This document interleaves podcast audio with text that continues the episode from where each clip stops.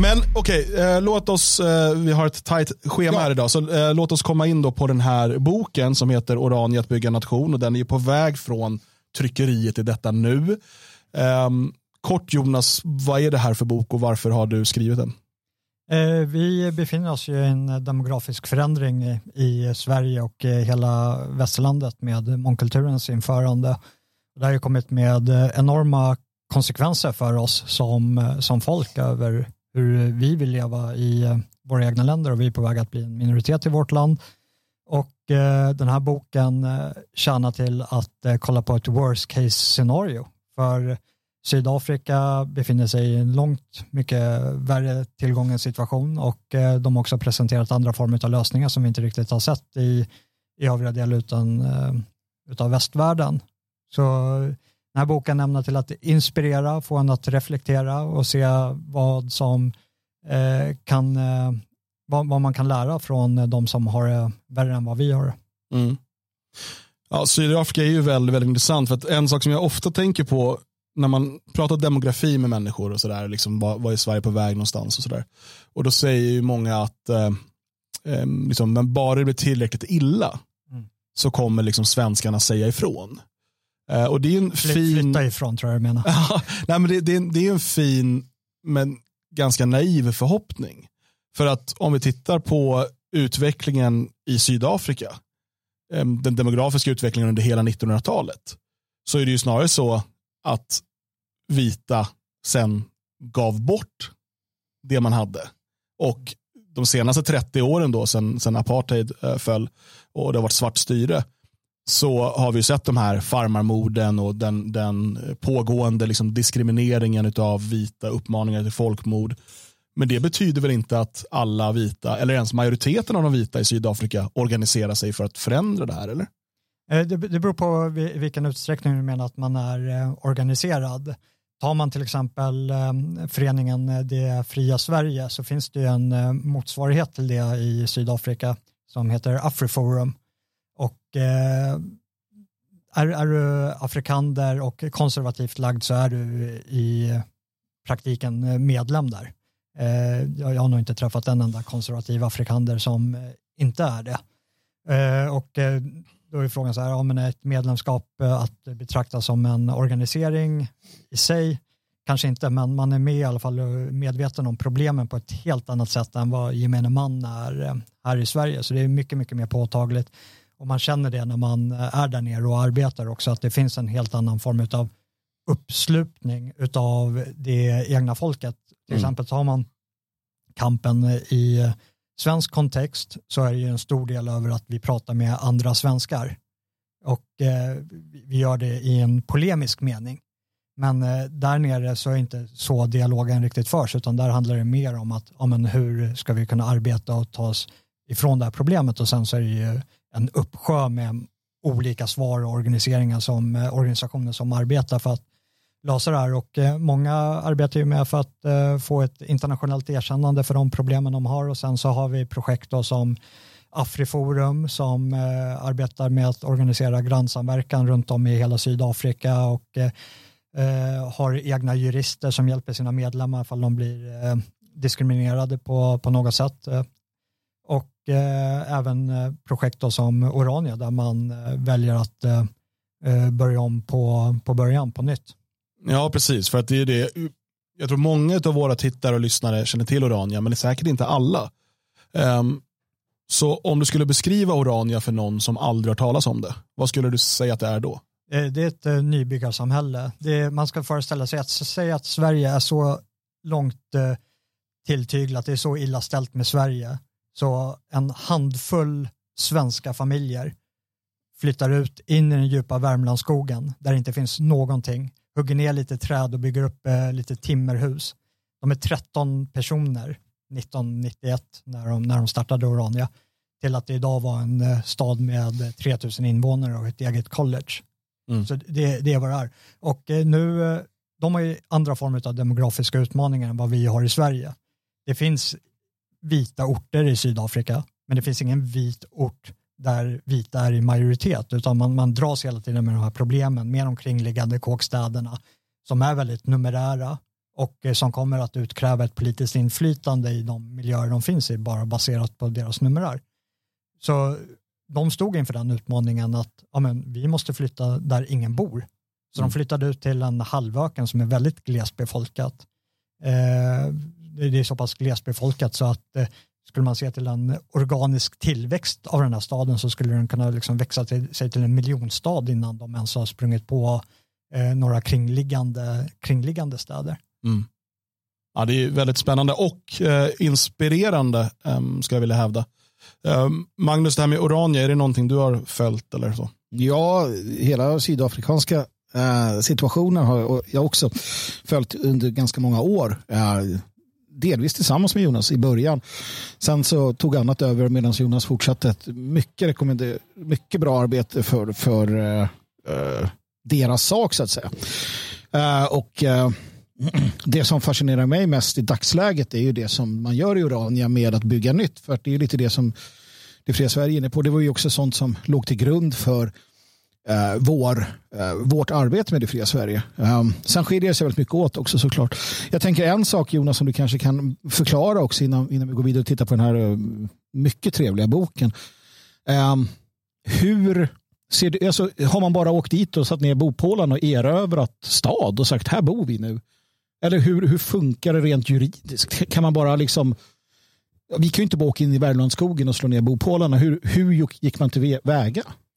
Eh, nej, man, man, köpte ett, eh, de gick ihop de här familjerna, eh, en handfull familjer, eh, och köpte marken av den sydafrikanska staten på, på slutet av 80-talet. Mm. Och då köpte, det var en gammal nedlagd bruksort, är fel att säga, för det, det var liksom inte en bruksort, utan det var en gammal barackstad där staten hade byggt upp tillfälliga baracker för arbetare som byggde på eh, Oranje River Oranjeflodens Aha, okay. damm. Då. Mm.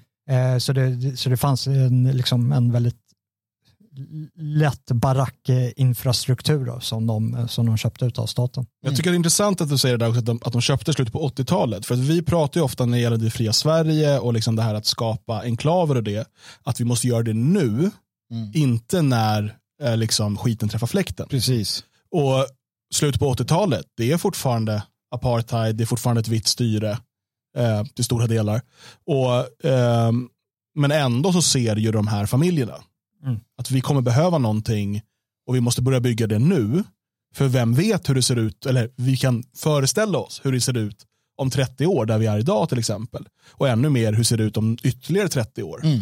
Och vad måste vi ha på plats tills dess? Och Det här är samma sak som när, eh, som när vi pratar om, om det fria Sverige och det arbete vi gör nu jag kan förstå att många som kanske lever i, i så här medelklasskvarter i Stockholm och så där, det är ganska, ofta ganska lugnt. Speciellt om man inte behöver skicka barnen till skolan i något eh, problemområde och sådär. Att man inte riktigt förstår. Så här, men va, va, vadå, vi kan ju bo här. Mm. Ja, men, snälla nu, backa och så extrapolerar du det som har hänt de senaste 30 åren över de kommande 30 åren. Då måste du förstå att det här området du befinner dig i, speciellt om du är relativt ensam med liksom de här tankarna och så, Eh, det kommer, ligga, det kommer vara ett mycket, mycket mer utsatt område. Ja, det kommer finnas andra liksom gated communities och så vidare för de som kan köpa sig till det. Och det ser vi ju runt om i, i hela Afrika, där, hur vita lever i sådana, och i Sydamerika. Men eh, det kommer absolut inte vara för, för alla och det kommer egentligen inte bygga på någon uttalad nationalistisk grund utan man vill bara skydda sitt eget. Um, så att, att, att göra jobbet innan djävulen står i farstun. Mm. Det är liksom det som är, är, är avgörande. Mm. Ja, och det, det, är ett jättestort problem och eh, när jag har varit i samtal med eh, grundaren, han som flyttade ut dit, eh, en av de första som flyttade dit, så hade de en bild av att ja, men det här kommer ju folk, vi, vi kommer bygga en folkstat av det här, bara med en knapptryckning ja. nästan. För folk kommer ju inse att vi lämnar ifrån oss det här landet, vi kommer förlora kontrollen och vi måste återfå eh, politisk kontroll för det är därifrån vi kan eh, bygga ett säkert samhälle och vi ser idag att de är väldigt osäkra och jag tror det bottnar i två saker. Eh, det ena är att när man kommer från den maktställningen som den vita minoritetsbefolkningen var i, i Sydafrika på samma sätt som vi är i kontroll över det här landet. Det är helt otänkbart för det kollektiva medvetandet att man ska gå från att ha varit i fullständig kontroll till att inte ha någon kontroll Mm. alls. Det, det existerar liksom inte i sinnet. Och sen den andra boven som kommer in som en följdvåg på det där är att man känner sig berättigad. Vi känner oss berättigade till Sverige, det här är vårt land. Det, de, de här människorna som är här och förstör tillvaron och eh, utsätter oss för en osäkerhet, de ska inte vara här och eh, de ska skickas hem. Och det finns en berättigad attityd till det, att vi har rätt till det här. Och eh, är det någonting som är väldigt giftigt, för att bara ta ner det på individnivå, bara för att göra det lite enklare att förstå, att ha med berättigade människor att göra är extremt påfrestande och väldigt giftigt. Det är, det är inte en stabil grund att stå på för att göra någonting konstruktivt. Och det är av den anledningen att de inte tar avstamp från de faktiska omständigheterna som råder. Sen, man ser också många, många bo, framförallt boerättlingar, eller boerna, äh, inte boerättlingar, boer i, i Sydafrika, alltså de som har gamla farmer och liknande som de har haft i 100 år eller 200 år eller vad det kan vara, de, de säger också det att jag kommer inte flytta från min farm Mm. för att starta en ny farm i Orania, utan man är väldigt bunden till så här, men då ska jag stå, jag, jag stannar här och kämpar eh, och så kanske hela deras familj blir slaktad, vilket händer med jämna mellanrum. Men som du säger, det finns ju någonting här. Jag, jag såg eh, någon i chatten som skrev att man måste nog vara nybyggare själv. Du måste ha nybyggarandan för att liksom dra till Orania. Även om du bor i, mitt i ett liksom, eh, fientligt område. Du måste ha den attityden, annars så blir du kvar. Mm. De som flyttar så här lite överraskande nog, eh, eh, genomsnittsåldern är jättelåg i Orania. Mm. Och det är ju anledningen att de som flyttar dit, det är ju de som har en insats i samhället. Alltså barn. Ska, ska mina barn gå Mm. i en svart skola där eh, de får lära sig den s- svarta synen på historien som eh, en historia under deras förevändningar som rättfärdigar dagens system där de själva stigmatiseras som eh, eh, bokstavligt talat stigmatiseras som den eh, onda historiska boven som har gett upphov till alla Sydafrikas problem. Både den nuvarande sydafrikanska presidenten och eh, den förra har, eh, i väldigt eh, skarpa ordalag sagt att eh, de problem vi står med här i Sydafrika idag, de kan härstamma till 1652, alltså när Jan van Riebeck, den första holländaren, som kom till, till vad som idag är Kapstaden. Mm. Jag ska säga det, för vi ska prata lite om, vi ska prata lite om boken här nu. Och den eh, släpps ju då i samband med eh, konferensen Fria Ord som vi har här i Svenskarnas hus 30 september. Och då kan man eh, köpa den på plats. Eh, är man lagd åt det hållet kanske man till och med kan få den signerad på plats. Eh, du kommer också finnas en veckan, helgen efter på Svenska bok och mediemässan i Stockholm. Eh, så man kan köpa boken där. Och är det så att man inte kan komma på något av de evenemangen och ändå vill ha boken så går det att förbeställa den. Och vi har länkar nedanför. Eh, men passa på att förbeställa eh, boken nu om du inte ska komma på något av de evenemangen. Så dels får du den ju i god tid så att säga. Och jag vet inte, det är väl alltid en begränsad upplaga det man beställer från tryckeriet. Så att, Ja, ja det är att, att förbeställa för man vet att man inte kommer på de här eventen. Det, det hjälper oss med tryckkostnaden och att säkerställa att vi får en bra, bra upplaga till, till konferenserna. mm. Och jag vill bara säga det, gör det. Alltså, vi ska gå igenom den och titta lite på den, men jag har suttit med den här. ändå. Ja, du har ju varit inblandad Magnus. Jag är lite inblandad i den här, absolut. Det är du som har skrivit allt. jag har skrivit allt och tagit bilderna. Han är bara den snygga galjonsfiguren. Nej, jag fick eh, äran att hjälpa till här med eh, sättningen av boken. Och eh, jag, jag, jag har, det har varit eh, på det sättet den lyckligaste veckan i mitt liv. För det är så här fantastiska bilder som levande gör berättelsen så att man sitter och tjuter lite.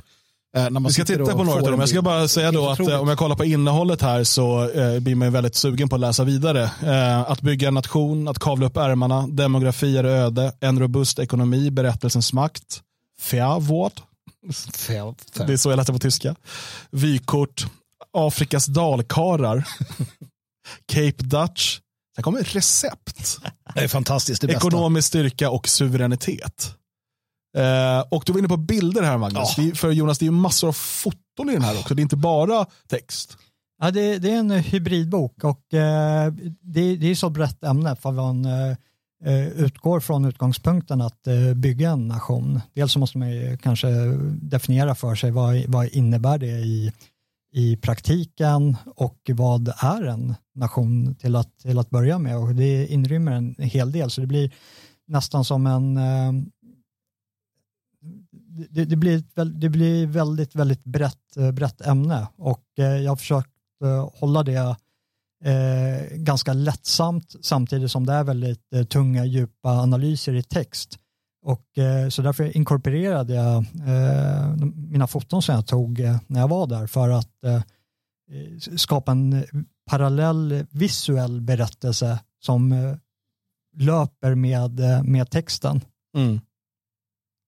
Ja, jag, tycker, jag har inte hunnit läsa den här än, men jag, tycker att, jag vet att så här, det kan bidra väldigt mycket också till för det är alltid svårt, man kan måla upp bilder för sig själv men att få lite foton till det gör det ju faktiskt enklare att Alltså det som, sätta sig in i det. Det som görs är att du egentligen du kan eh, antingen skippa bilderna och läsa eller så kan du skippa texten och titta på bilderna. För de berättar en historia i sig. Båda delarna, så de kompletterar varandra otroligt bra. Och, eh, alltså Jonas är en riktigt duktig fotograf, det, det är alldeles uppenbart. Och att han brinner för, Eh, för det här är väldigt tydligt. Det finns intensitet och detaljrikedom och det finns så mycket, det var det jag sa när man satt och jobbade med den, att man, man sitter och blir så här lycklig. Eh, för att jag vet också, och jag, jag känner ju väldigt mycket för våra bröder och systrar i Sydafrika, jag vet att den här boken kommer hjälpa dem att berätta sin historia. Och det är någonting som är livsviktigt för att den vita befolkningen i Sydafrika är, långt mycket mer ansatt än vad vi är till exempel. Så att kan vi på något sätt äh, berätta deras historia äh, och det gör Jonas föredömligt här. Det, det, äh, och, och, och sen får du Ja, jag sa det till dig när vi satt här. Jag sa det, hur, hur gör man för att flytta dit? Alltså det är den känslan man får. Jag vill vara där. Jag vill göra det här med dem. Uh, och sen kom jag på mig själv att jag gör ju det här. uh, så att, uh, men det är fantastiskt. Mm.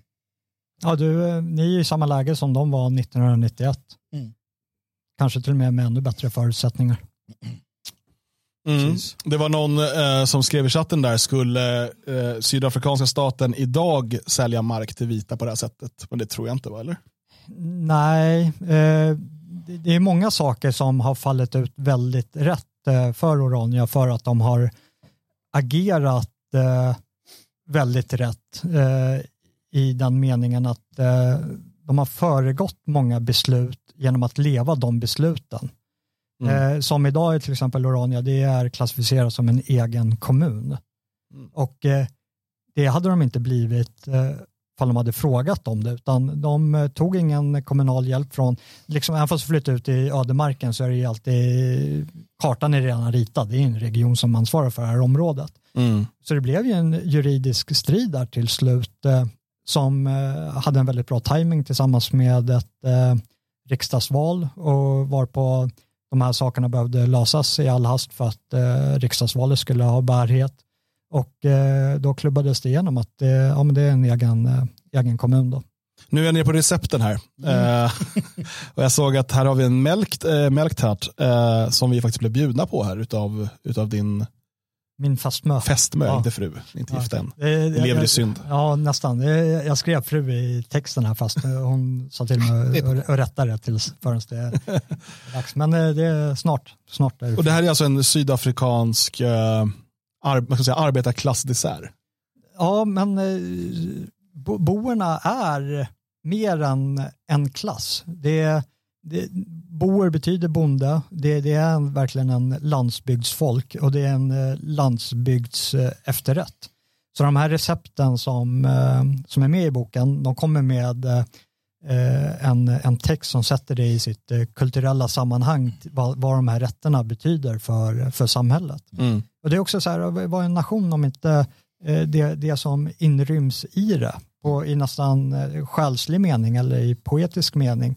Och eh, det blir så mycket mer än bara de här hårda politiska analyserna över att om en nation eller en stat, om det är någonting som upprätthåller lag och ordning och ser till att människor inte slår varandra på ett orättfärdigt sätt. Mm. Men det, det, är så mycket mer än det. Det är så mycket mer än det som gör att jag inte ens går in på begreppet om lag och ordning utifrån eh, eh, hur man betraktar en stat. För det blir sekundärt i, i sammanhanget. Du skriver här om ekonomin och sådär också. Är det så att man har en egen valuta man handlar med där eller hur fungerar det? Eh, och det är, det är här jag menar, för att vi går tillbaka till vad jag pratade över vad Oranje gör som är väldigt, väldigt bra, som är inspirerande för många andra. Och det är att de inte frågar om lov, utan de agerar i enlighet med eh, vad de vill uppnå. Så i det allmänna medvetandet i Sydafrika eh, så tror folk att Orania har en egen valuta. Det är ju såklart olagligt för staten sitter ju på det monopolet mm. på samma sätt som de sitter på våldsmonopolet. Men bara att de har föregått i, i människors sinne att ja, men här har vi en självständig enklav. För de har en egen valuta. Så redan där så blir det att man måste betrakta självständighetsbegreppet inte utifrån ett eh, eh binärt förhållande utan på en, eh, på en skala över vart befinner oss i, i en egen form av suveränitet. Men de har ett eget eh, valutasystem, för att vi ska kalla det för det. Och eh, det som gör att det är lagligt är att det är kuponger. Mm. Eh, så en åra är en rand, så den är peggad mot den sydafrikanska okay. randen, 1-1. Och för varje år du har i handen så är det motsvarande summa på den egna banken, om man har en egen bank då i, mm. som ett kooperativ. Och det här är ju för att skapa en form av Eh, cirkulär ekonomi som stärker ett samhälle som håller på att byggas upp. Just det, för då kan de ha randen på banken så att säga. Mm. Och sen bara, sen så, eh, och de kan man ju teoretiskt sett ha på något räntebärande, som, alltså som på något sätt ger den här banken pengar som stärker byn eller staden. Ja. Eh, varpå man använder de här som är peggade ändå till, alltså som är teoretiskt sett värt lika mycket som randen, för att handla internt. Eh, så behöver man aldrig röra den rand som man sen kan som också används för att till exempel handla med utlandet. Ja, sådär. Exakt, och det är extra viktigt i Oranias fall med hur eh, ägarstrukturen är orienterad där. Eh, till det första så har man inte ett sånt här system, då kommer eh, randen, den rinner ju mellan fingrarna som vilken fiat-valuta som helst, mm. men den kommer ju rinna ut från orten. Och det här är ett sätt att säkerställa att ja, men vi behåller pengarna här och alla affärer, eh, det är legal tender i Orania, alla mm. affärer tar emot Oras. Och eh, är, åker du dit som turist så är det många som tar med sig Oras hem, vilket då i praktiken blir en donation till staden. Mm. Och eh, sen är för varje Ora som är ute i, i omlopp så finns det en rand då som motsvarar den då som är i banken. Mm. Och på grund av att de, de har en ägarstruktur i i Orania gör att eh, de inte kan få vanliga banklån för att till exempel köpa fastigheter eller investera i liksom vissa byggprojekt. Och det gör att de eh, måste låna av sin egen bank, vilket är en förklädd välsignelse. All, alla de här barriärerna har ju gett upphov till att eh, de har den här egna banken, vilket i sig skapar en, en självständighet för påtryckningar från bankväsendet. Vi ser ju i, i Sverige och i, i västvärlden hur bankväsendet eh, agerar med eh, ideologiska förevändningar för att stänga ut oppositionen. Mm. Och eh, det här gör att de skapar ett oberoende från sådana påtryckningar. Och då de inte kan låna pengar från de traditionella bankerna, ja men de pengarna som är inne på den här banken kan ju då lånas ut för att, för att bygga ut infrastrukturen, nya byggnader och sådär. Jag tänker det som talar för boernas, eh, alltså att det faktum att de har lyckats göra det här, som du säger, de bryter ny mark från ingenstans. Vi ser på bilderna här, de, de bygger den här staden, de odlar öknen helt enkelt, uh, vilket, vilket är tydligt. Det är också att de har, alltså det de gör här, det är det de gjorde när de uh, hamnade i delo med britterna. Då Fortreckers gav sig rakt in i ödemarken.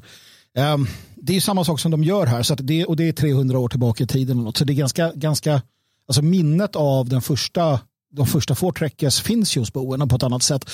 Om jag jämför med den svenska nationen, jag menar, vi såg en, en, en fryntlig man i en traktor tidigare med stort skägg. Han tillhör alltså första generationens eh, Oraniabor. Han kom dit för i början på 90-talet när det bara fanns ingenting där. Ja, och det, det, var den åkermarken som han skördar och de bilder ni ser på inte bara infrastrukturen utan på grönskan som är där. Mm. Eh, det finns, det finns ett foto på hur, hur det här området eh, såg ut innan och mm. det, det är ren halvöken. Mm. Nej, och, och, det som händer är ju att det här är människor som i grund, alltså är extremt alltså, driftiga. Det är bönder, de som kommer hade ju en, en know-how. Uh, på ett sätt som svenska, den svenska nationen har utvecklats till någon form av så här, ja, men vi, vi, vi sitter och säljer eh, annonser. Eller vi, alltså det, det är den här tjänstes, eh, vad heter det, eh, servicesektorn som har växt medan industrin har försvunnit. Eh, eller för den delen tung industri. Så att, ehm, vi har, en, ett annan, eh, vi har ju en helt annan, det är ett helt annat samhälle i Sverige mot Sydafrika. Fullständigt annorlunda. Vilket gör att våra, vi kan inte ta Orania och sätta i Elgarås till exempel. Men däremot så kan vi se vad man kan åstadkomma på 30 år om man bara vill. Mm. Jag menar, men hade de haft våra förutsättningar, husen står byggda, mm. men andra köper dem för nationella vill inte köpa dem, utan andra köper dem. Eh, möjligheter till företagande finns. Det finns till och med, eh, vilket somliga har använt sig av på plats, pengar att få från staten för att starta företag här. Mm. I Orania fanns det ingenting. Så att vi har det ju så långt mycket enklare än vad de här stackarna hade det. Mm. Så ska avrunda snart, men Jonas, du har ju varit där flera gånger eh, i Orania um, och i Sydafrika i allmänhet. Men vad ska du säga, i Orania, vad spelar deras tro för roll? Är, det, är den närvarande eller är det mer en eh, den är, Nej, det, det, är väldigt närvarande. Jag tror till och med att det är ett kriterie för att eh, få bli medborgare. Eller jag, jag tror inte, jag, jag, vet att det är ett kriterie. Mm. Du, du, ska vara kristen och konservativ. Mm. Och eh, hedra och vårda afrikanderkulturen och prata afrikans. Mm. Det, det, är de grund, grundläggande kriterierna. Och sen på det är också att eh, ingen, det är inte tillåtet med främmande arbetskrafter. Och eh, det har ju varit det största problemet med, med Sydafrika att eh, de anlitar eh, främmande arbetskraft, alltså svart arbetskraft. Och mm. Eh, genom den processen så bygger de upp sin egen minoritetsställning. Mm. Bara innan vi avslutar, frågan är vettig att ställa, ANC eller andra, hur har staten reagerat och agerat? Har man agerat mot radio? Har man tid med det när samhället faller samman? Hur, hur ser det ut med hotet från systemet? Eh, jag tror hotet från systemet eh, kan utvecklas över tid eh, när Orania börjar aspirera på vad man kan kalla för kanske erkänd suveränitet. Och det, det, det är först där som jag tror att vi kommer få, få se Eh, någon form av kanske eventuell styrkemätning när eh, en stor skattebas börjar konsolideras i Orania eh, samtidigt som Sydafrika dräneras ekonomiskt och eh, faller, faller samman i eh, vad, vad, man nu lägger in i de orden. Och eh, då kommer man kanske få höra en retorik över att ja, men det här, dels på ena sidan, det finns ju liksom ingen coherent när man pratar med sådana här människor, men på ena sidan så kanske man får höra att ja, det faller samman för att eh, de här människorna väljer att lämna och eh, eh flytta ut och bygga upp någonting där. Och eh, utifrån den andra sidan så är det att eh, ja, men de ska vara med och hjälpa till och göra det här vid alla sydafrikaner och så går man in och försöker att ta det man inte har rätt till att ta. Mm. Uh, det kom frågor här, hur beställer man boken? Vi tar det igen. Ja. Uh, den släpps alltså på uh, Fria Ord som vi håller här i Svenskarnas hus 30 september. Det går jättebra att gå in på detfriasverige.se fria ord så kan man köpa den här på plats. veckan efter är du också på Svenska bok och mediamässan i Stockholm. Då kommer den också gå att köpa på plats. Om man inte kan komma på Fria Ord eller på mässan i Stockholm så kan man eh, förbeställa boken online. Eh, och Det finns länkar här nedanför och en QR-kod i bild och sådär som man kan scanna för att komma direkt dit. Jag tror att det finns information också på din Substack va? Ja det finns det. det... Och det är jonasnilsson.substack.com. Jajamän. Eh, så går man in där så finns det länkar och så vidare också. Och Det är såklart ett utmärkt ställe att följa ditt arbete generellt på. Vi ska eh, snart ta in Jalle Horn här i studion och medan ni byter plats så ska vi kolla på en trailer för en dokumentär som du också håller på att arbeta med. Eh, som handlar om Orania. Om Orania. det kan ge lite mer liksom, bild till det vi pratade om alldeles nyss. Och Vi kommer få anledning att återkomma till dokumentären när den blir aktuell. Eh, men eh, trailern finns uppe nu, så den kommer vi titta på medan Jonas och Jalle byter plats med varandra här i studion. Så tack Jonas för att du ville komma och prata om din bok. Ja, tack själv. Vi syns på Fria Ord. Det gör vi. Ska vi se om jag får igång den här trailern. Det tror jag. 90s. Most conservative Afrikaners were well assured and very certain that we're just going to take back the country. Yeah. It's just going to happen. Either the ANC is going to screw up everything and just, you know, they're going to come back running, or we're going to. Some people believe there will be a civil war in the 90s and we're going to win and take back the country. You know, it, it, can't. We can't give this country to this bunch of clowns. You know, that kind of sentiment. And um, and now a lot of Afrikaners believe it's just going to be fixed. It, it, can't go any worse. You know, we're just gonna we're gonna vote and the DA is going to take over, or I don't know, Trump or someone is going to come and fix everything for us. That sentiment of we can't give up the country. Um, uh, you know, we can't lose everything. Actually, the first thing that Iranians did already in the late 80s, early 90s, and to say we can't save everything. It's time to now do triage and, decide what are we going to save. But there's no way we can take control or manage the, the, the entire country. We have to leave a lot behind and just focus on a small. And I'm saying there's a lot to conservative Europeans. I don't think they believe me. I'm saying you're going to lose your entire country. Rather focus on a small bit and save that. Because 10, 20, 30 years from now, you're going to be in a situation where you lost everything and then you really have nothing. Rather leave some of your beautiful cities and stuff, which is already demographically changed so much. Leave it behind, consolidate, focus on one place, save that. Then you can maybe expand a little bit from there. But trying to save everything will slice you so thin. Maybe in Europe they're still in a bit of a better situation. In South Africa, I mean, two million Afrikaans speaking whites, of which maybe half or even less is conservative, and many are leaving the country every month. There's just no way that we can actually make some kind of move to, to rule over more than just a little bit that we can in a country with, with more than 60 million people. It's just impossible. Demographically, it's impossible. Our biggest issue is demographics. So, how do you solve it? You create a demographically friendly area. Uh, and rather than trying to save everything, just save, save something. Just consolidate and save something. I think that's the most important lesson from Orania. Trying to save everything will cost you everything. And I mean, the borders are so artificial internationally, but especially in South Africa. I mean, it's some British guy went and he drew the border like that, and now it's the border. I mean, it doesn't really make any sense. so um, we must delete from our heads this idea of uh, of one South Africa, one country. It isn't a country; it's just a, some lines on a map.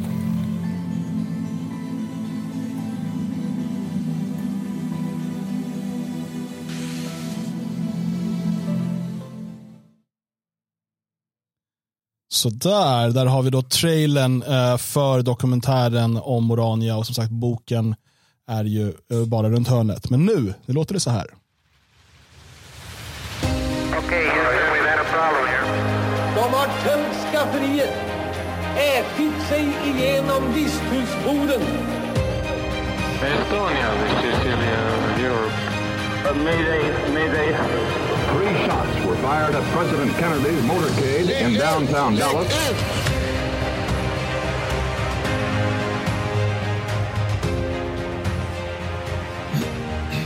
Ja, det är dags för Hänt i historien och Jalle, medan vi har pratat med Jonas här har du suttit och öppnat en massa dammiga, stora böcker. Och, ja. vad har hänt i historien denna vecka? Ja, eh, jag använder ju inte internet, va? så jag måste ju hålla på med luntorna. Vet du. Ja.